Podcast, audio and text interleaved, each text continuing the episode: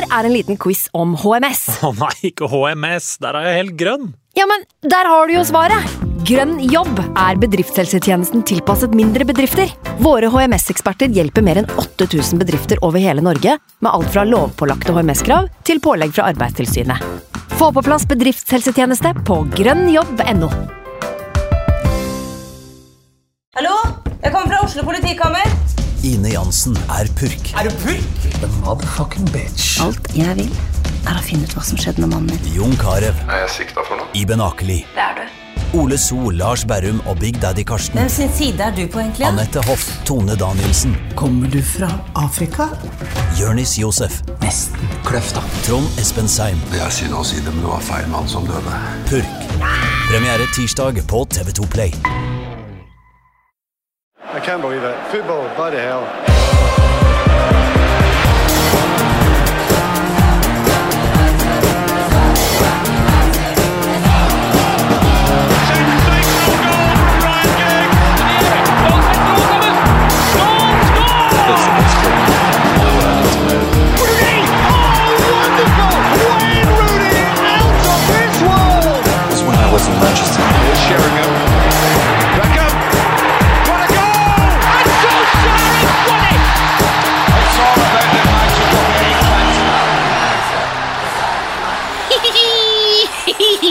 Barnslig glede, folkens, ved å se på fotball. Uh, ja, det er en liten stund siden jeg har opplevd det, men eh, det var veldig deilig. Velkommen til United We Podcast. Jeg heter Ken Vasenius Nilsen. I dag har jeg med meg fra United.no Fredrik Filtvedt. Hei, Du var på kampen, Fredrik. det var jeg. Det må ha vært en grei opplevelse. Det er helt korrekt. Vi har også med oss Øyvind Eide fra NTG, vår fagmann. Velkommen til deg også, Øyvind. Tusen takk. Du var ikke på kampen, du så den hjemme i stua, eller? Jeg så den på en eh, PC i Bergen på, på et hotell. Det høres på en måte litt, litt proft ut. eh, det er bra, det, fordi da har vi en som har vært der, og fått litt av supportergleden.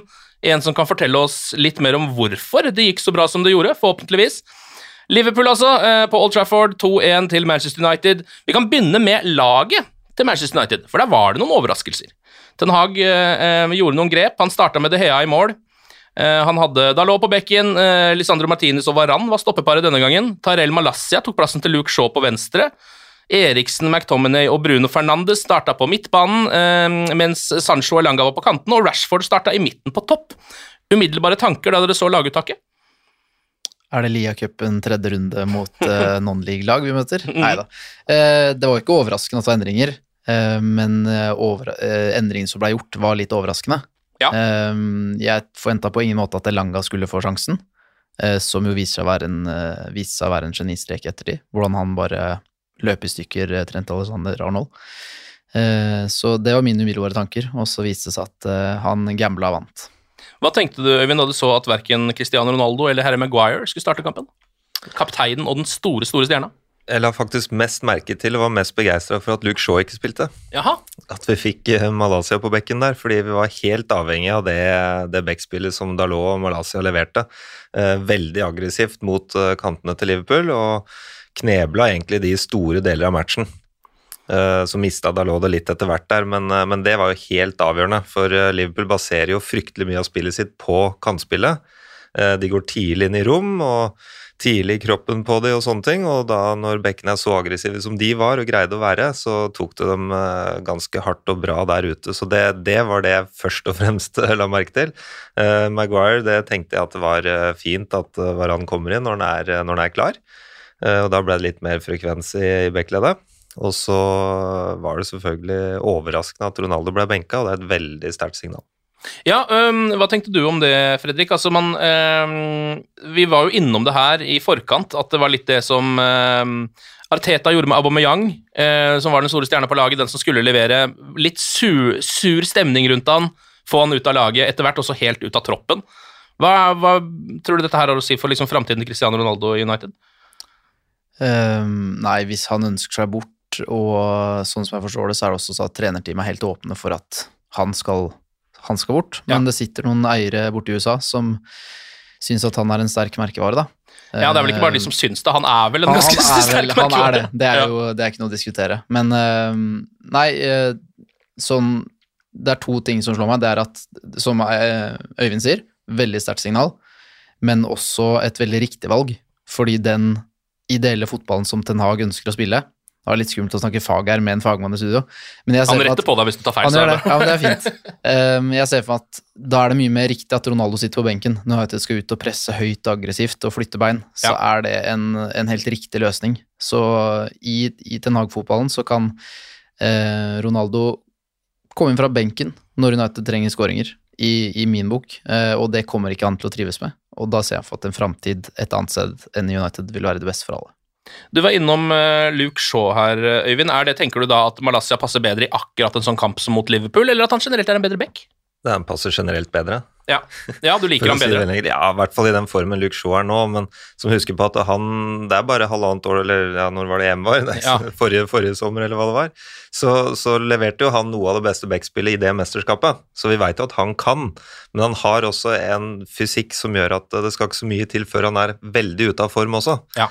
Og da har han ganske mye å gå på, og det er andre som kan gjøre jobben bedre. Ja. Så når Malaysia er det talentet han er, med de egenskapene han har, så tenker jeg at da kan heller han bare spille så mye han, han kan, egentlig. For det, han leverte veldig, veldig veldig bra. Det var gledelig også å se at Alot leverte såpass bra i en så viktig kamp. Eh, og det er jo et kvalitetstegn for United å kunne ha i hvert fall to venstrebekker å veksle mellom. da. Det er vel ikke så mye å velge mellom ute på høyrekanten, eller høyrebekken, men forhåpentligvis så skjer det noe der også etter hvert. Eh, men hva tenker du var liksom eh, de viktigste grepene som Ten Hag gjorde, som gjorde at dette her var så annerledes enn mot Brentford? Ja, og det, det er vanskelig å vite når vi ikke har vært eh, oppe i treningsuka der. Og vi, vi hørte jo om det der at de skulle løpe å si, Forskjellen mellom United og Brentford i forrige kamp skulle de jo løpe dagen etter. og Det sender jo noen signaler, det òg, men det er jo den gode gamle den pisken som de bruker. da. Eh, Gammelt belønningssystem, håper jeg å si. men... eller straff, straffesystem. Og det Jeg tror nok han har hatt veldig fokus på at uh, det her er det ingen som skal være bekjent av. Det har de lagt mye vekt på, og så tror jeg at det har vært helt, helt, helt avgjørende å fokusere på den første fasen i kampen, det første kvarteret, hvor Liverpool veldig ofte er svært, svært, svært gode og avgjør ofte kamper på det første kvarteret. Nå var det United som var det beste laget det første kvarteret. Ja. Og det er en helomvending og helt fullstendig uventa for meg. Jeg hadde mye mer fokus på å si, mentalt på greier de å ri av stormen, i stedet for det Liverpool som måtte fokusere på å ri av stormen. Og det tror jeg satte Liverpool ganske heftig ut av kampen. Så det, det er det desidert viktigste grepet, at han greide å løfte den entusiasmen. Og tror jeg også vraking av Ronaldo var et såpass tydelig signal til resten av gruppa at uh, det spiller ingen rolle hva du heter eller hvem du er, du må levere varene for å kunne spille. Så vel så mye det mentale da, som det rent taktiske, egentlig, inn mot matchen. Det er helt riktig, og jeg tror vel også jeg lagde min korteste analyse for United noen gang nå, fordi at det er egentlig det det handla om. De gjorde noen grep utover det, og det er viktige grep også, sånn som mm, vi sa nå med backspill og sånne ting. og At Rashford spiller i stedet for Ronaldo handler jo også mye om at de skal bruke fart inn i bakrommet når Liverpool står veldig ofte høyt med backledet sitt. Så det var jo også et grep, og så markerte de jo en del i midtbanen, eh, tre mot tre mot Liverpool sin midtbane. Men for meg så er det litt underordna, fordi du kan ha så mange taktiske grep du vil. Hvis ikke den energien og entusiasmen er der i bånn, så spiller det ingen rolle. Da kan du bare slå alle brikkene av sjakkbrettet. Da har det ikke noe å si. Vi skal gå gjennom eh, kampen litt sånn hendelse for hendelse, for det var jo en veldig morsom fotballkamp. Eh, rent objektivt også, tror jeg. Eh, som det, altså, vi hadde jo ikke sittet her og kost oss så mye hvis vi tapte kampen, men allikevel, det var en gøy kamp å se på. Heseblesende match. Absolutt. Men eh, før vi gjør det, eh, la oss, kan ikke du, Fredrik, som var der, ta oss til Manchester eh, mandag kveld? Eh, I forkant av matchen, det skulle være noen protester osv. Hvordan var stemninga eh, blant United-supporterne? Det var eh, Aner ikke hvor mange tusen det var som gikk i det protesttoget før kamp, men eh, jeg hørte noen som snakka om 20 000. Ja. Det var, eh, så stemninga blei på en måte satt allerede der, da. Fordi disse flertallet tror jeg skulle inn på kampen, og tok med seg den energien i det toget inn på stadion. Det virka litt sånn, faktisk. Det gjorde det, og det er klart at du får litt gratis eh, med flomlys og Liverpool en mandag kveld med stemning og sånne ting, men eh, jeg og Eivind fra supportklubben var jo også der mot Brighton i serieåpninga, og med ny manager og ny sesong så forventer vi også at det skal være voldsom stemning. Ja, og en og ganske ok preseason, så det var jo eh, Altså, forventningene var jo ganske høye. Absolutt, men da merka jeg tidlig at det var ganske energiløst, ikke bare ute på banen, men også på tribunene. Det, det lille livet de prøvde å lage, det døde ut eh, veldig fort, eh, men på Old Trafford nå på mandag så var det, det var elektrisk, altså. Jeg, jeg er ikke på sånn kjempemange kamper, men jeg tenkte sånn, når jeg sist har opplevd, opplevd dette? Og konklusjonen er vel egentlig Real Madrid hjemme i Champions League i 2013. Ja, jeg må tilbake dit for å få tilsvarende stemning. Og det, nei, det var helt eh, Jeg skjønner at gutta løp, og de gjorde også at Altså, det var jo Her spilte man hverandre gode. Eh, publikum gjorde spillerne gode, og spillerne gjorde publikum gode. Men hvordan var dine eh, forventninger som en mann som har sett mye Manchester United, eh, og liksom kommer fra de matchene de kom fra?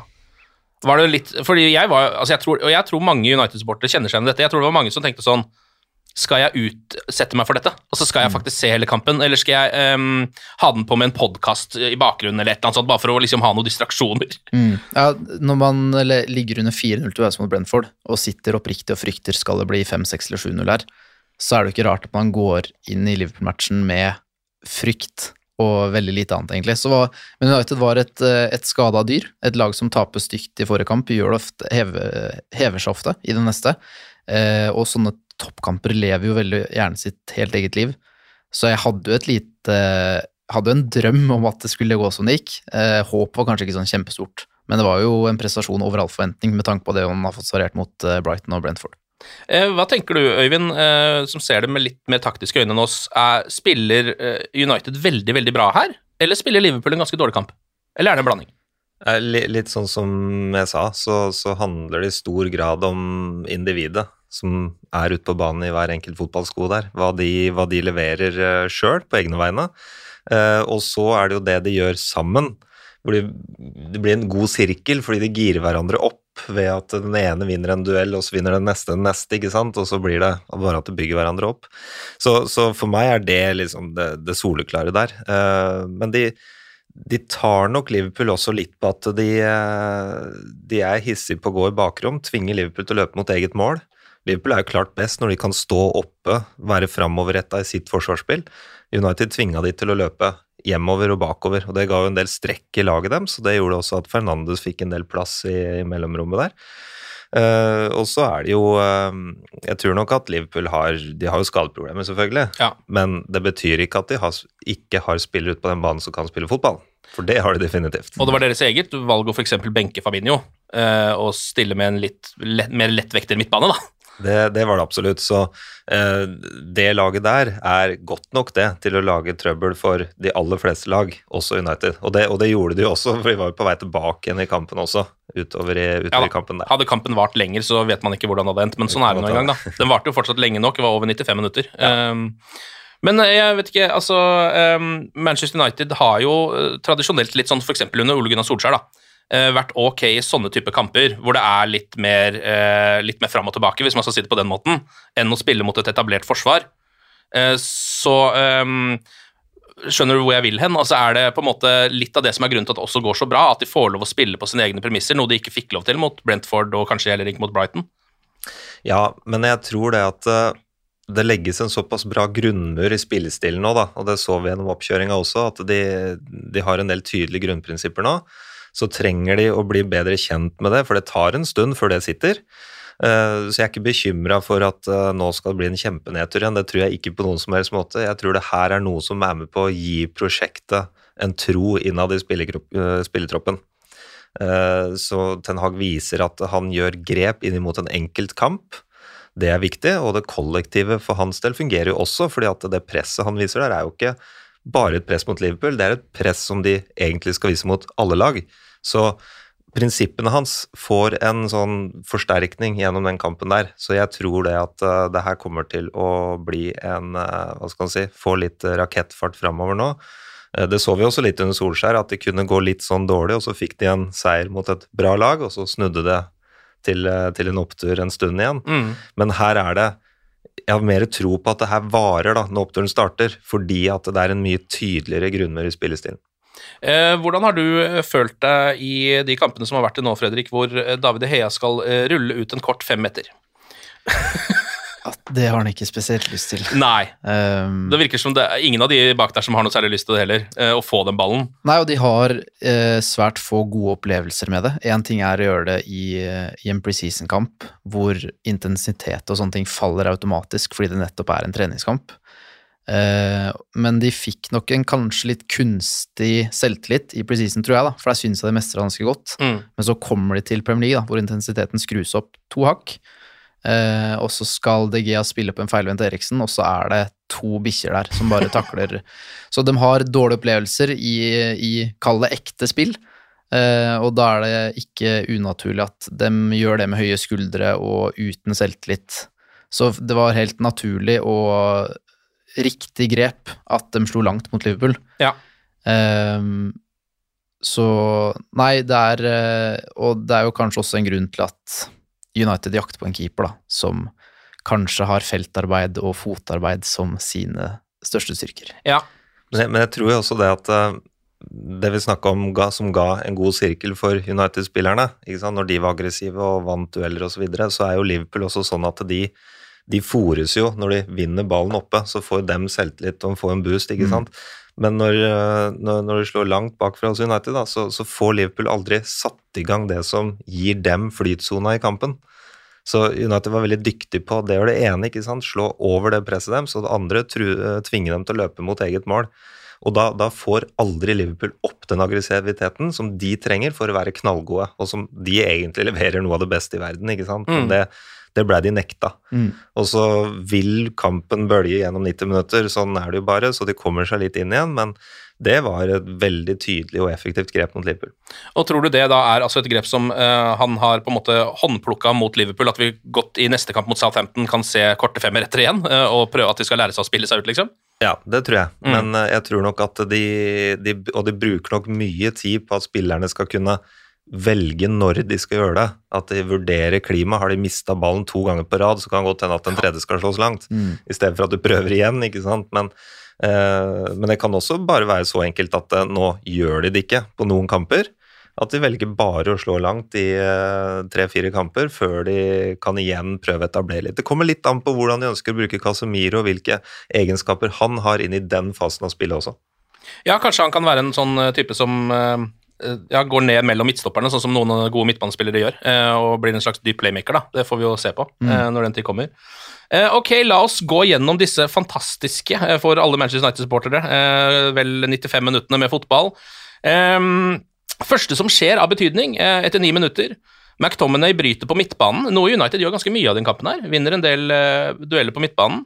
Slår en veldig god ball gjennom til Bruno Fernandes, eh, som har den litt langt foran seg. Han sklitakler den eh, til Elanga, som er helt alene med Alison, og skal bare køle den i hjørnet, og ballen går i stanga. Og alle Manchester United-supportere river seg i håret og sier fuck, de må vi sette i sånne kamper, hvis ikke han vil gå drite i hele kampen. Eh, hva tenker, hvordan var stemninga på tribunen da det her skjedde, Fredrik? Fordi det har jo vært av de kampene som har gått dårlig nå også, så har United faktisk i noen av de i hvert fall starta med en ganske feit sjanse. Ofte Bruno som har bomma, og så er det bare kommet noen i sekken. Helt riktig, og du oppsummerer det egentlig helt perfekt. fordi når man river seg i håret på tribunen her og ser rundt seg, så føler man at det er akkurat det man tenker, det du sa Ja. der, at setter man ikke den der mot Liverpool, så, så ender det som man frykta. Ja.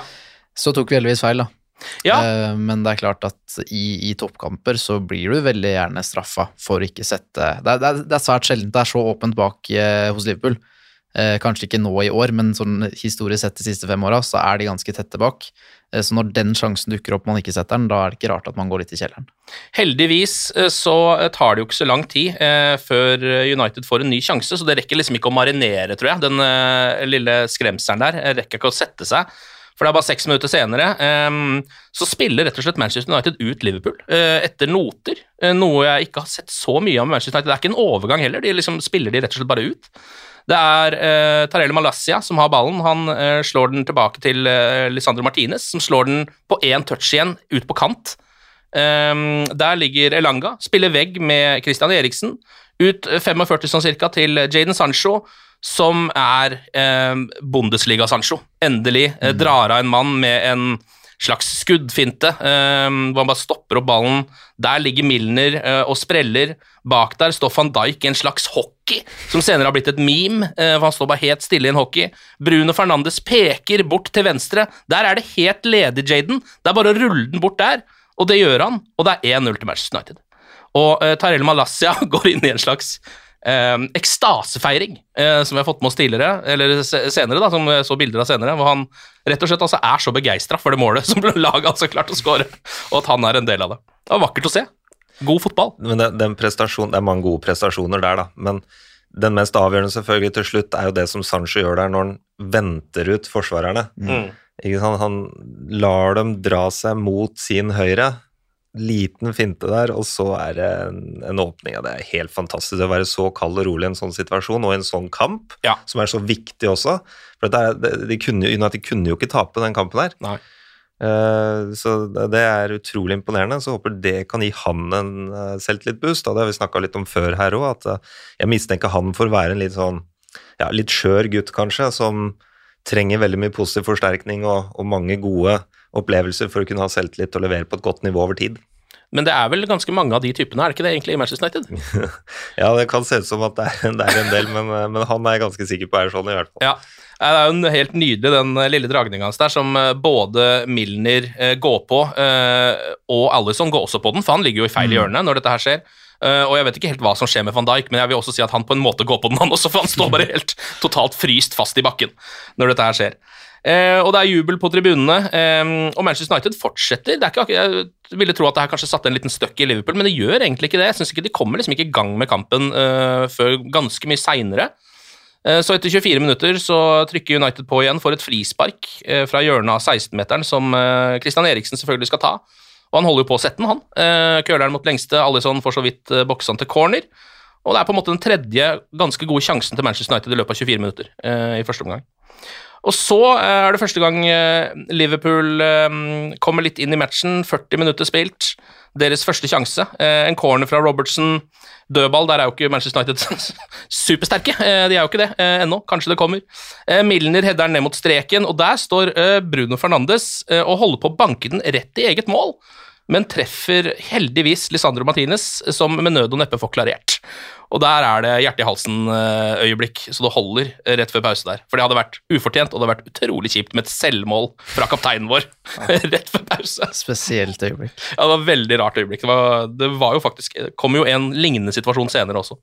Og så er det pause, da. Og uh, hva tenkte du da, Øyvind, når uh, Ten Hag tar ut Antony Langa, som har hatt en veldig god omgang, og setter inn Anton Marcial? Jeg tenkte at det var, eh, var riktig. At eh, han eh, sto med Martial, som har vel vært litt skada nå. Og det er det, det er det typiske valget som trener står overfor, at uh, du har en spiller som har vært skada, kommer ikke til å tåle 90 minutter, og da er spørsmålet skal du la han starte og ta han av etter hvert, eller skal du la noen andre løpe i hjel Forsvaret, for så å sette den innpå. Og Det er det han valgte, åpenbart. Og det viste seg å være veldig bra. Martial hadde en god kamp, syns Ja. jeg, når han også kom inn, og jeg syns vi ser en litt annen figur enn det vi har sett før, da. Ja. Uh, i, I flere sammenhenger, i hvert fall. Så kan det godt hende vi ser noen tendenser igjen til det vi har sett før òg, men det virker som han er litt piggere, han er litt mer frampå. Litt mer sånn positiv innstilling i det fysiske arbeidet han legger ned, uh, syns jeg. Og hadde noen veldig gode involveringer.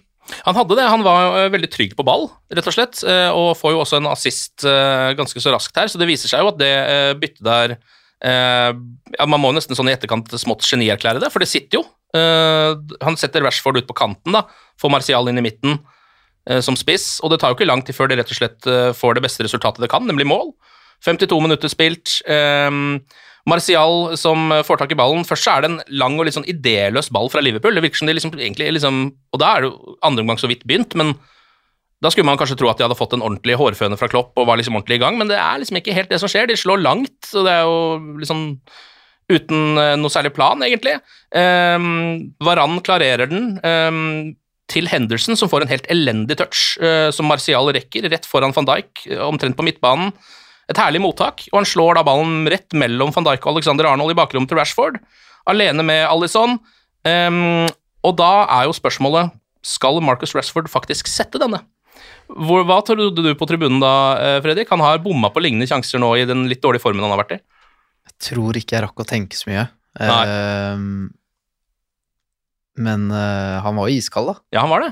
Og for en uh, Altså, for en selvtillit han fikk etter den skåringa der. Ja. Det, kan, det skal du sikkert snakke mer om seinere, men eh, jeg tjuvstarta litt. Ja, for Han har også vært i såpass dårlig form. Jeg har sett han bomme på de der, og det han nesten alltid da gjør, er at han prøver å sette den i lengste lavt og køla. Litt sånn som Elanga gjorde. Eh, men så pleier det ofte å være en beinparade fra keeper, eller at han liksom ikke får den nok borti hjørnet. da. Nå går han for det totalt motsatte. Han setter den bare eh, litt over bakken, i nærmeste hjørne. Eh, boom 2-0. Uh, cornerflagget får gjennomgå, og eh, Rashford får en ordentlig liksom, Du ser at det, skjer noe med Marcus Rashford når han skårer det målet der. Da er han liksom litt sånn tilbake igjen, da, på en måte. Um, og så er jo spørsmålet om det er offside, fordi det syns jeg det ser ut som på reprisen. Det kommer opp en grønn strek. Um, og Kasper Wikestad roper uh, fra sin hals at det er 2-0 til Manchester United. Jeg tror liksom ikke helt på det ennå. Um, hva jeg driver og sjekker det, og det her er visst en sånn Jeg vet ikke om dere har satt dere inn i det der, men de har visst forandra offside-regelen, har jeg skjønt. Altså, det her hadde vært offside forrige sesong. Hmm, hører rykter om det. ja. Jeg vet ikke helt hva, hvordan, hva som er forskjellen, for å være helt ærlig, men det er vel et eller annet med uh, ja, altså At de rett og slett har uh, gitt litt altså, vet ikke, eh, Nyansene for offside har blitt litt større, rett og slett. Ja, heng med den som kan. Jeg ja. kan ingen regler lenger. Nei. Det... jeg har egentlig gitt opp det der, men heldigvis var det mål, da. Eh, og da er liksom den grei. Um, United fortsetter å spille ganske god fotball i andre omgang. Um, har en god sjanse like etterpå, etter 55 minutter. Da er det jo nettopp scoret. Uh, får en corner. Uh, Christian Eriksen slår den inn. Den klareres men eh, nikkes tilbake i 16-meteren igjen, og der eh, er Varan og tar den ned på brystet eh, og klarer å kontrollere ballen med en tre-fire Liverpool-spillere hengende rundt seg. Ganske sterkt gjort. Slår den tilbake til Rashford, som prøver å plassere i lengste, men en god redning av Alison, da. United fortsetter å dominere rundt 60 minutter. Liverpool mister overraskende mye ball, som jeg ikke er så vant til å se, men de gjør det. Og United har på en måte i den fasen her liksom muligheten til å drepe matchen.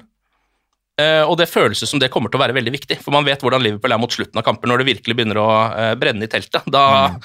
da kjører de på. Um, her er det jo da uh, Alison som får et dårlig tilbakespill etter 60 minutter, må nærmest klarere. Ballen går til Dalot, som poler den gjennom til Bruno, som er alene med Alison. Kanskje offside, men hvem vet, fordi ingen som skjønner offside lenger.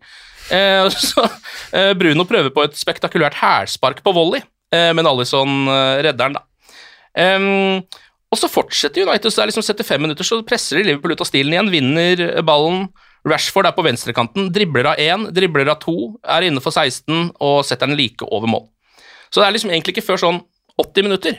Da begynner Liverpool å kjøre. Da begynner jeg å bli liksom litt svett hjemme i stua. Da uh, har de begynt å ta over litt. Grann. Er på en uh, sjelden visitt. Um, Arnold er på overlappen, som alltid, legger inn fra høyre, langt bak i feltet. Det lander hos eh, Robertson, som legger inn til um, Lisandro Martinez, som prøver å sette den i mål. Sitt eget, men uh, der er David Hea. Uh, så dagens andre selvmålforsøk, og det var egentlig der Liverpool var farligst fram til dette. Når det var Manchester United som avslutta mot eget mål. Da. Men nå, nå, jo, nå, nå, toner de jo ned litt Liverpool sitt spill her. Må, de, det, var, det, var, ikke sånn at United overkjørte Liverpool fullstendig her. Liverpool var jo også litt med mot slutten av første. Ja. De, de, fikk pressa United lavere uten at de var veldig frampå. Men da, ja, skifta, ja, da, da skifta kampbildet litt, og det var det jeg kanskje frykta litt, at uh, nå kommer Liverpool til å overta, så hva blir grepene inn i pausa? Ja. Og da kom jo det byttet, og det kan godt hende det var veldig avgjørende og helt riktig timing på det byttet. Uh, for da var United tilbake igjen der hvor de egentlig starta førsteomgangen. Mm. Men uh, det var et skifte der som kunne vært veldig farlig for kampen hvis de hadde fått lov til å spille seg ut litt. Ja, og hvis ikke United hadde scoret, kanskje. Uh, ja, det er åpenbart skåringer, men, men, ja. nei, men det, hadde førsteomgangen vart litt lenger, så kan det godt hende Liverpool hadde spist seg enda mer inn og begynt å skape sjanser, fordi de begynte å overta der. Ja, Mm. De gjorde det, og du sier jo uh, det meste at uh, Lisandro Martinez, altså midtstopperen til United, var man of the match. Så det var ikke rein overkjøring, var det nok ikke, men det var liksom heller ikke noe hva skal man si, De hadde ikke de klare målsjansene da, som man Nei. vanligvis pleier å se Liverpool ha, og som man vanligvis pleier å se andre lag uh, få til mot Manchester United. Ja, det, det, er helt riktig, og det, er jo, det var et suverent forsvarsspill av, av Beck-leddet. og måten United spilte på i midtbaneleddet, gjorde veldig ofte at, eh, med markeringene, gjorde ofte at det ble en ledig korridor opp til frontleddet til Liverpool. Men der var midtstopperne til United veldig tydelige på at de var framme og støta og gjorde livet surt for angriperne der. Så hele backleddet syns jeg leverte utrolig bra i den kampen her. Mm. De gjorde det. Um, Liverpool skal jo få seg et mål da, eh, etter 81 minutter. Det er en corner som klareres, nikkes tilbake inn i feltet av Elliot. Uh, Carvalho, innbytteren deres, får ballen, snur seg og skyter. Det Hea redder, men Mohammed Salah nikker inn 2-1. Pokker. Fortsatt lenge igjen. Lenge igjen av fotballkampen. Uh, men heldigvis så bruker Bruno Fernandes fem av de uh, på å holde ballen eh, i fast grep med et gult kort, gående rundt inne i eh, egen femmeter eh, med en masse Liverpool-spillere som terger han og prøver å ta fra ham ballen. Jeg vet ikke, altså... Er, er det lurt, eller er det he helt på grensa til idiotisk? Fordi Kan han ikke få et gult kort til der? Nei, det som redder han, er at det er eh, United som skal starte med ballen. Ja, så, ja, ikke sant? Hadde det vært motsatt, og han holder ballen så det andre lag ikke kan ta han, som jo egentlig eier ballen, det hadde vært verre. Men det er jo United sjøl som Ja. har ballen, så han gjør jo egentlig han, han Det er akkurat som hvis det har vært et frispark, og han bare Ja. står og holder ballen, så skal ta frispark etterpå. på en måte. Ikke sant? Selvfølgelig litt overdrevet, men, men så lenge det er Uniteds ball, så må jo han få lov til å gå med den. Ja. Og så blir jo han dytta på de andre og sånn, og så overspiller han det litt og sånne ting. Men uh, det, det redder nok uh, den situasjonen. Ja. ja, for det er jo da egentlig Liverpool-spillerne som er litt urutinerte der, da, som i det hele tatt går på dette. Uh, for det- de gjør jo at det tar lengre tid når du går og dytter på han og prøver å ta den ballen hele tida. Ja, det, det kan godt hende. Og så er det ikke så lett å være rasjonell i, i en sånn setting. Nei.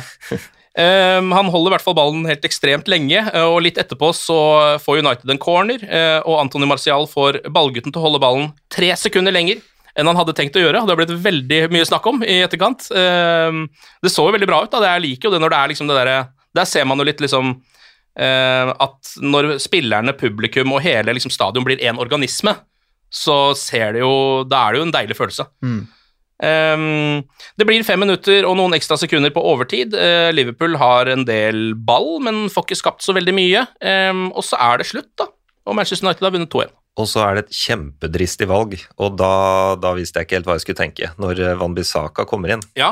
på høyre bekk i en sluttspurtsfase for Liverpool eh, Ja, det Er det fordi Dalot er sluttkjørt, liksom, eller hva? det, det, jeg tenker jo kanskje det, da, fordi at du må ha litt fart i beina på slutten der. Mm. Og så var det jo Dalot som også glapp den markeringa på Sala der foran Ja. skåringa. Uh, så det kan hende at han rett og slett vurderte det, men, eh, men det å sette inn på en Van Bissaka som knapt nok har spilt uh, et minutt hittil, det er eh, svært trist i en så viktig kamp. Ja, det er det. Ehm, heldigvis så går det jo Går det jo greit, da. Det går han, det skjer, han får ikke så mye å gjøre, Van Bissaka, heller, på slutten her. Så Nei, det, det var noe innkast, og det greide han fint, så det, ja, da, de, de ridda den. og da er den grei. Og hvordan er forløsninga på tribunen idet dommeren blåser av?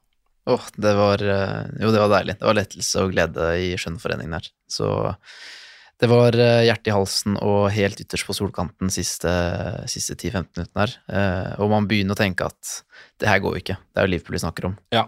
Et- ledelse mot Liverpool, det er, det er ingenting. Eh, Men det gikk fint, det. Eh, Og som dere nå er inne på, er jo Der lå jeg fullstendig sluttkjørt, og det var det mange av spillerne. Det var mye lettere å se på tribunen enn eh, TV-bildene. Eh, De står og holder seg til knærne, tøyer litt og Ja. klarer så vidt å komme seg på linje med resten av forsvaret, liksom, fordi at man er helt ferdig. Så det var, eh, det var nødvendig. Og jeg vet ikke om Lindløv var på benken, men hadde han vært klar, så tipper jeg at Erik kanskje til og med hadde satt Lindløv på bekken i stedet. Ja, Um, man er livredd for taklingsforsøk i egen boks og ballkontakt når det gjelder Wanbisaka, i hvert fall jeg. Så jeg også tenkte sånn, dette er kun fordi han må. Ja, ikke sant. Eh, nei, heldigvis så går det bra, det. Eh, og Ten Hag banner av glede i postmatch-intervjuet, eh, og alt er på en måte som det skal. Hvordan, var, det, var det noe feiring, eller? Fredrik, etter matchen? Eh, Det var eh, synging og høylytt på vei ut fra salen. Det tok kjempelang tid å komme seg ut derfra, og eh, god stemning eh, på vei ut. Men jeg er jo i jobbmodus, da. Jeg skal jo sammen med Bjarte Valen ta en standup utafor Old Trafford så fort vi finner et sted vi kan stå. Så jeg er litt, eh, litt mer stressa, skal løpe inn på Hotell Fotball og hente kamerautstyr og sånne ting. Så fikk ikke helt deltatt i, den, i det øyeblikket der. Men det var god stemning. Eh, kan vi nå friskemelde Manchester United, Øyvind?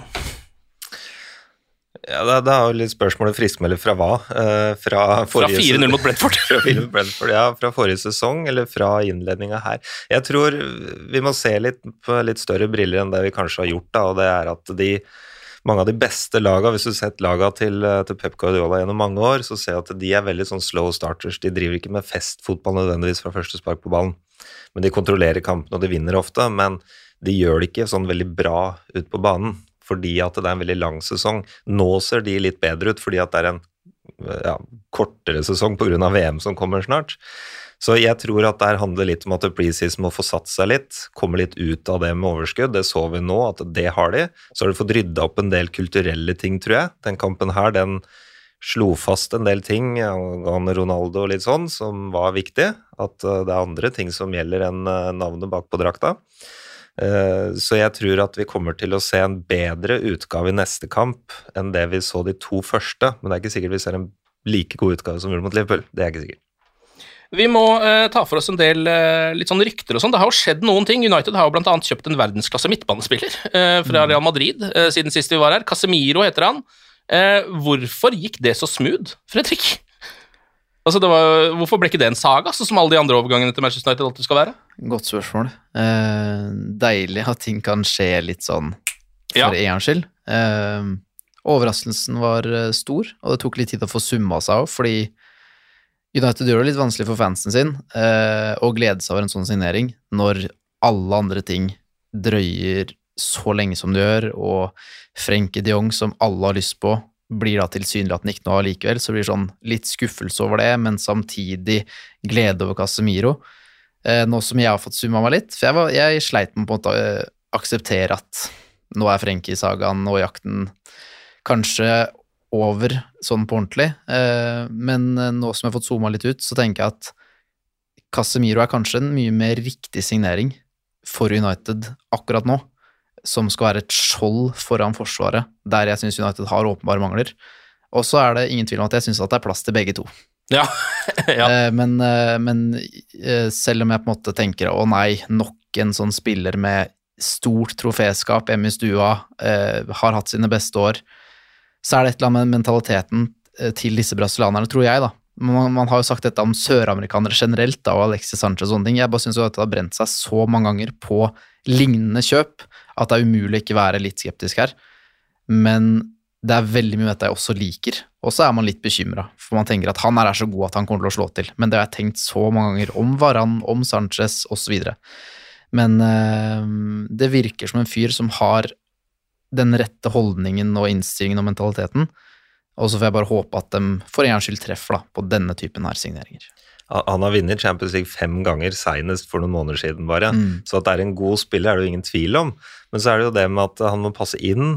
Kanskje han må tilpasse seg litt eh, engelsk spillestil, ikke sant. Det er jo et litt annet intensitet og duellspill i Premier League enn det er i La Liga.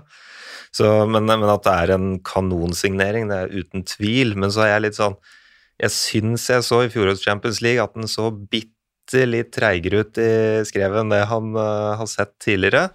Uh, og det har jo vært litt sånn ekkel tradisjon, syns jeg, for United nå de siste åra, at de har kjøpt en del spillere som er eh, over middagshøyden. Ja. Uh, og det, dette her skal jo egentlig være en spiller i prime time. Altså, spilleren er egentlig på sitt beste sånn 27-32 år. Så han er jo egentlig midt i det rommet der, men eh, han har opplevd utrolig mye. Spørsmålet er om han er sulten nok, og er han i United av de rette grunnene osv. Det er jo litt sånn man kan lurer på. da. Ja, absolutt. Eh, Det jeg er litt glad for, er at det er jo en av eh, I hvert fall en spiller som virker som er glad for å være i Manchester United. da. Eh, Virker, han har ikke blitt pressa dit, på en måte. Han tok det valget selv og var veldig gira på å komme da tilbudet kom, virker det som. Som jeg tar som et stort pluss. For veldig mange spillere virker det som har liksom endt opp i Manchester United pga.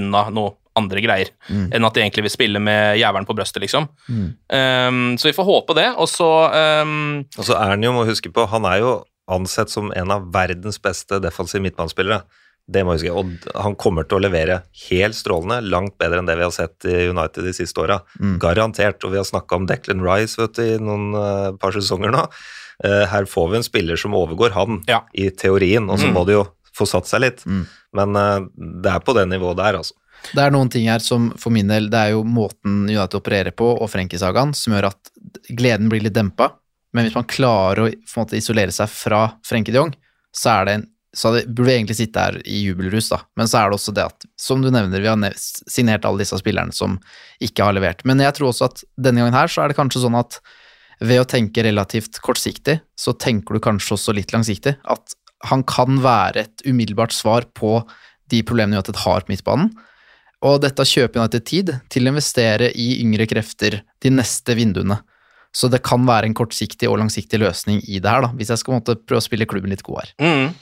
Eh, Hvordan ville du komponert den midtbanen her nå, Øyvind? Altså Med Casemiro der inne? Er det, eller det, skal det er bare å gjøre som de gjorde i Real Madrid. Da spiller eh, Casemiro sentralt på en treer, Og så hadde vi jo Luka Modric og Tony Cross ved siden av hverandre, og det blir jo nå Eriksen og Fernandes. Ja. Det er soleklart. Så en eh, ren erstatter for McTominay Fred, da, egentlig. ja, ja det, det blir de to igjen, håper jeg å si, opphøyd i annen, eller hva det heter for noe. Det, eh, det, er, eh, det, det, det blir det, og så må de inn og vikariere og løpe litt for de to andre når det trengs, og bytte litt på spilletid, men den treeren der kommer til å bli helt klink fast, det er garantert. Så da har man også en eh, liksom verdensklasse ballopprydder og to eh, servitører, da. Ja, og det er det fine med Casemiro. Han er veldig Han har veldig stor selvinnsikt. Han veit hva han skal gjøre med ballen når han får den. Han gir den til en av de to andre som kan å slå pasninger, Mm. for å si det litt stygt, da. Men uh, hans oppgave det er å forsvare målet og forsvarerne sine med sitt eget liv. Det er oppgaven til Casemiro. Når han får ballen, så kommer han til å gi den til, uh, til Eriksen og Fernandes. Eh, virker jo som United ikke er helt ferdig på overgangsmarkedet ennå, faktisk. Nå begynner det å bli et ganske ok vindu. Etter hvert så har det mye klager, og det er jo litt pga. Frenkie de Jong, som har vært innom allerede, men nå har de jo begynt å få inn en del spillere. Hvis Lisandro Martinez funker så bra som han gjør nå, og Malassia faktisk går inn og er en bedre venstreback, så er jo det to veldig gode signeringer. Um, og Kristian Christian Eriksen virker jo til å spille fast og er liksom den faste dødballfoten deres. En ganske viktig spiller sånn sett.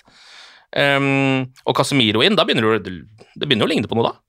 Men så er det andre spillere, da. Eh, veldig mye eh, fokus på Antony, eh, brasilianske kanten til Ajax, som United har bydd på egentlig hele veien. Det virker som de er veldig gira på han. Ten Hag har jo spilt med han før, så han vet vel hva han står for. Nå byr de noe voldsomt på han, virker det som. Mm. Jeg vet ikke helt hva de siste summene er, Fredrik, men det begynner å bli en ganske vill overgangssum hvis det skal gå gjennom dette her. Ja, ryktene onsdag kveld var vel at United var forberedt på å legge 100 millioner euro på bordet. Ja. Ehm, Det er en klekkelig sum. Det er en klekkelig sum, og så kjenner jeg personlig at det er først dersom jeg mener at United burde legge de penga i en annen spiller og en helt annen posisjon, at jeg klarer å bli provosert over det. Um, hvis Den Haag virkelig vil ha han, så tenker jeg da, da er han verdt det United er villig til å måte gi. Og så har jeg aldri sett han i aksjon, annet enn noen fine finter på YouTube her og der, og det klarer ikke å tegne noe rettferdig bilde i det hele tatt, så jeg har ingen Annet enn at Ten Hag vil ha han, så tenker jeg at hvis Ten Hag virkelig vil ha han, og han ha- ville ha han egentlig fra dag én, Mm. i innledningsforhandlingene med United, så ble han på en måte nevnt. Eh, Så at han på en måte skal få det han vil ha for å kunne bygge det han ønsker på Trafford, det, det er helt sentralt her. Og da er jeg veldig positiv til det sånn sett. Og da klarer jeg ikke egentlig å engasjere eller la meg provosere over en, en høy prislapp. Jeg vet ikke, Hva tenker du, Øyvind? Hvis man først skal bruke 100 millioner euro, er det på kanten man skal bruke de pengene? Ja, altså, det, det er jo det. Fordi at de, de mangler jo egentlig spillere. Langa gjør et bra innhopp nå, men hva er det han kan gjøre over tid? Hvis han plutselig må stå 30 kamper i år fra start, så vet vi jo ikke hva han kan levere. Han, Nei. han er jo litt begrensa. Han satt jo mye på benken for Sverige òg, ikke sant. Han Mm. tar jo ikke liksom en naturlig posisjon, så foreløpig er han der og løper mye. Og så må det bli et resultat, et sluttprodukt av det han gjør. Da kan vi begynne å snakke om at han er et reelt alternativ, sånn som kan stå kamper over tid. Så egentlig så, så syns jeg at de trenger det. Eh, det som er litt vanskelig med Anthony, er at han er litt uprøvd. Han kommer fra en liga som er ganske mye svakere enn eh, de fire-fem store i Europa. Eh, og så gjør de noen gode prestasjoner i Europa, men det er klart, det, det er sånn Bodø-Glimt òg gjør noen gode prestasjoner i Europa. Det betyr ikke at vi kan hente hvilken som helst spiller derfra og sette inn i Premier League. ikke sant? Så det, det er noe med at Uh, å, å kaste en milliard etter en spiller som har brukt uh, livet sitt i, uh, i, i Nederland, det, det syns jeg er, er heftig mye. Mm. Det er vanskelig å være uenig, og når man handler offensivt fra Nederland, du vet aldri om du får en Ruud van Nistelrooy, eller om du får en spiller som forsvinner en et halvt år senere fordi han ikke har skåret et eneste mål. Ja. Er det Luke de Jong, eller er det Ruud van Nistelrooy? Mm. Nettopp, og Anton er jo Altså, han er 22, eh, og de som har sett veldig mye Ajax, eh, som så at Hakim Ziyech herja der, og som ikke har fått det til ordentlig i Chelsea, de sier at han leverte mye jevnere og på et høyere nivå over lengre tid enn det Anton har gjort i, i Ajax, og så mener de samtidig at potensialet til Antony nok er høyere. Men det er alltid skummelt å handle, å handle fra Nederland. Du vet aldri hva du får. Og så liker jeg ikke nødvendigvis hele trenden med at nå er Hvis, hvis han kommer, og United har handla fem spillere, så er det vel fire eller fem av de som har en direkte link til nederlandsk fotball eller Ten Hag. Ja. Hva sier det om klubben og Ten Hag også? Jeg, jeg syns det er skummelt. Selv om signering hittil jeg ikke har noe å ta på å ta de på det, så syns jeg alltid det er litt sånn negativt, sånn i utgangspunktet. Um, det kan jo bli litt komplisert her også fordi pga. nevnte Hakim Ziyech, som eh, Ajax visstnok vil ha fra Chelsea før de selger. Så det her kan fort bli en, en ny runde med en liten saga. Vi får se. Nå er det jo ikke så lenge igjen av overgangsvinduet, så det må jo begynne å skje ting hvis det skal bli noe. Kan ikke være en eh, saga på nivå med Game of Thrones, i hvert fall. Må gjøres unna Ja, raskere. Må få det unna. Eh, og så er det, virker det som at den interessen som var for Cody Gakpo fra PSV, også han kantspiller og spiss, eh, at den har kjølna litt. Rann.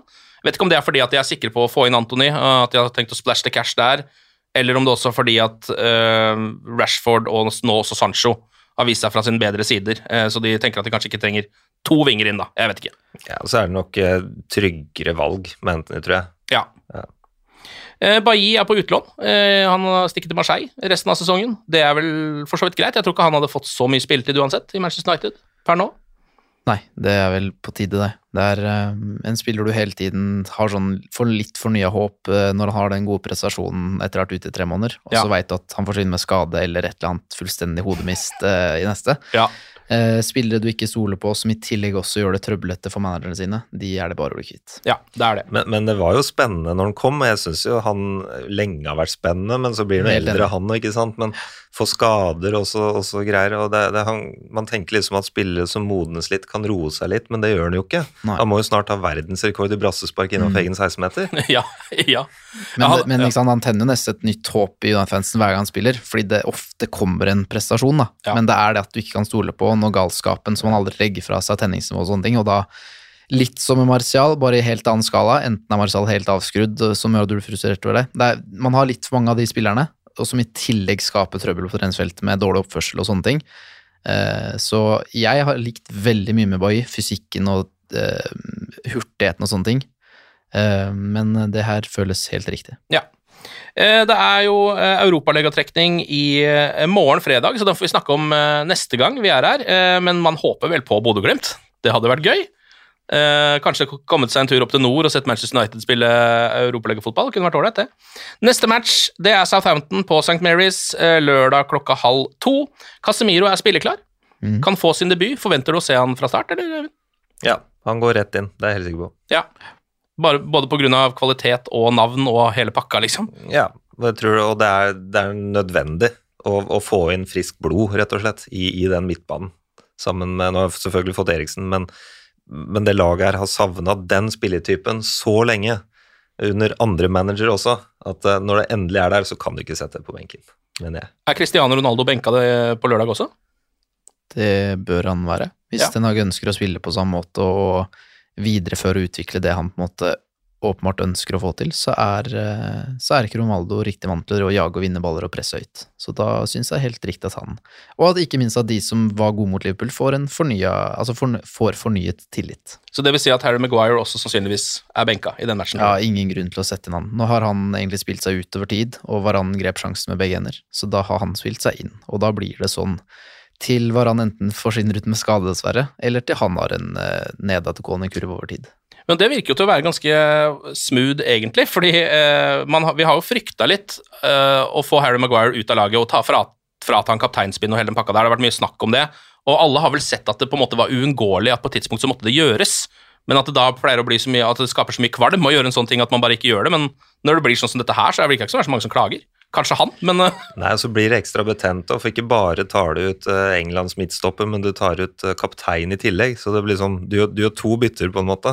Eh, Så det er et tøft, veldig tøft valg, men herregud, altså det er mye tøffere å benke Ronaldo. ja. Når du først har gjort det, så er det ingenting å benke Maguire.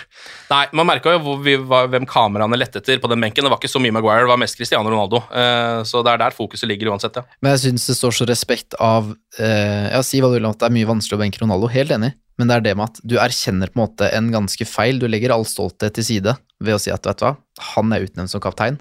Tre kamper inn i sesongen, så er jeg nødt til å benke den. Ja. Her har jeg gjort en grov feil, men jeg, jeg står for at jeg gjorde feil, og jeg tar konsekvensen av det. Jeg er nødt til å benke den.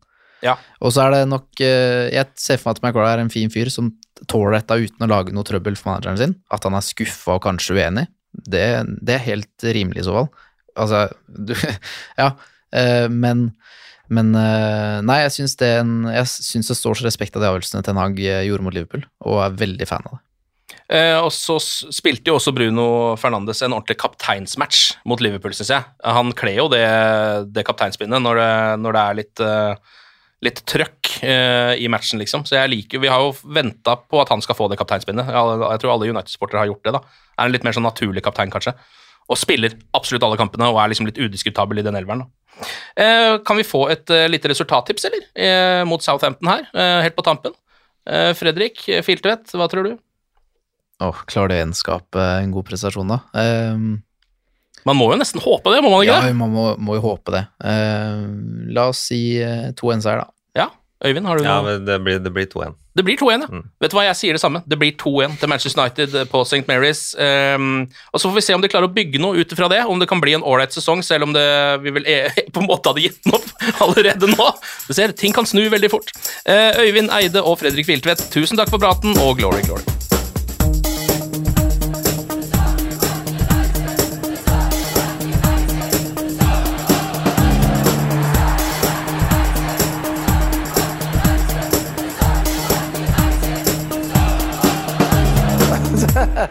Oh, it's true.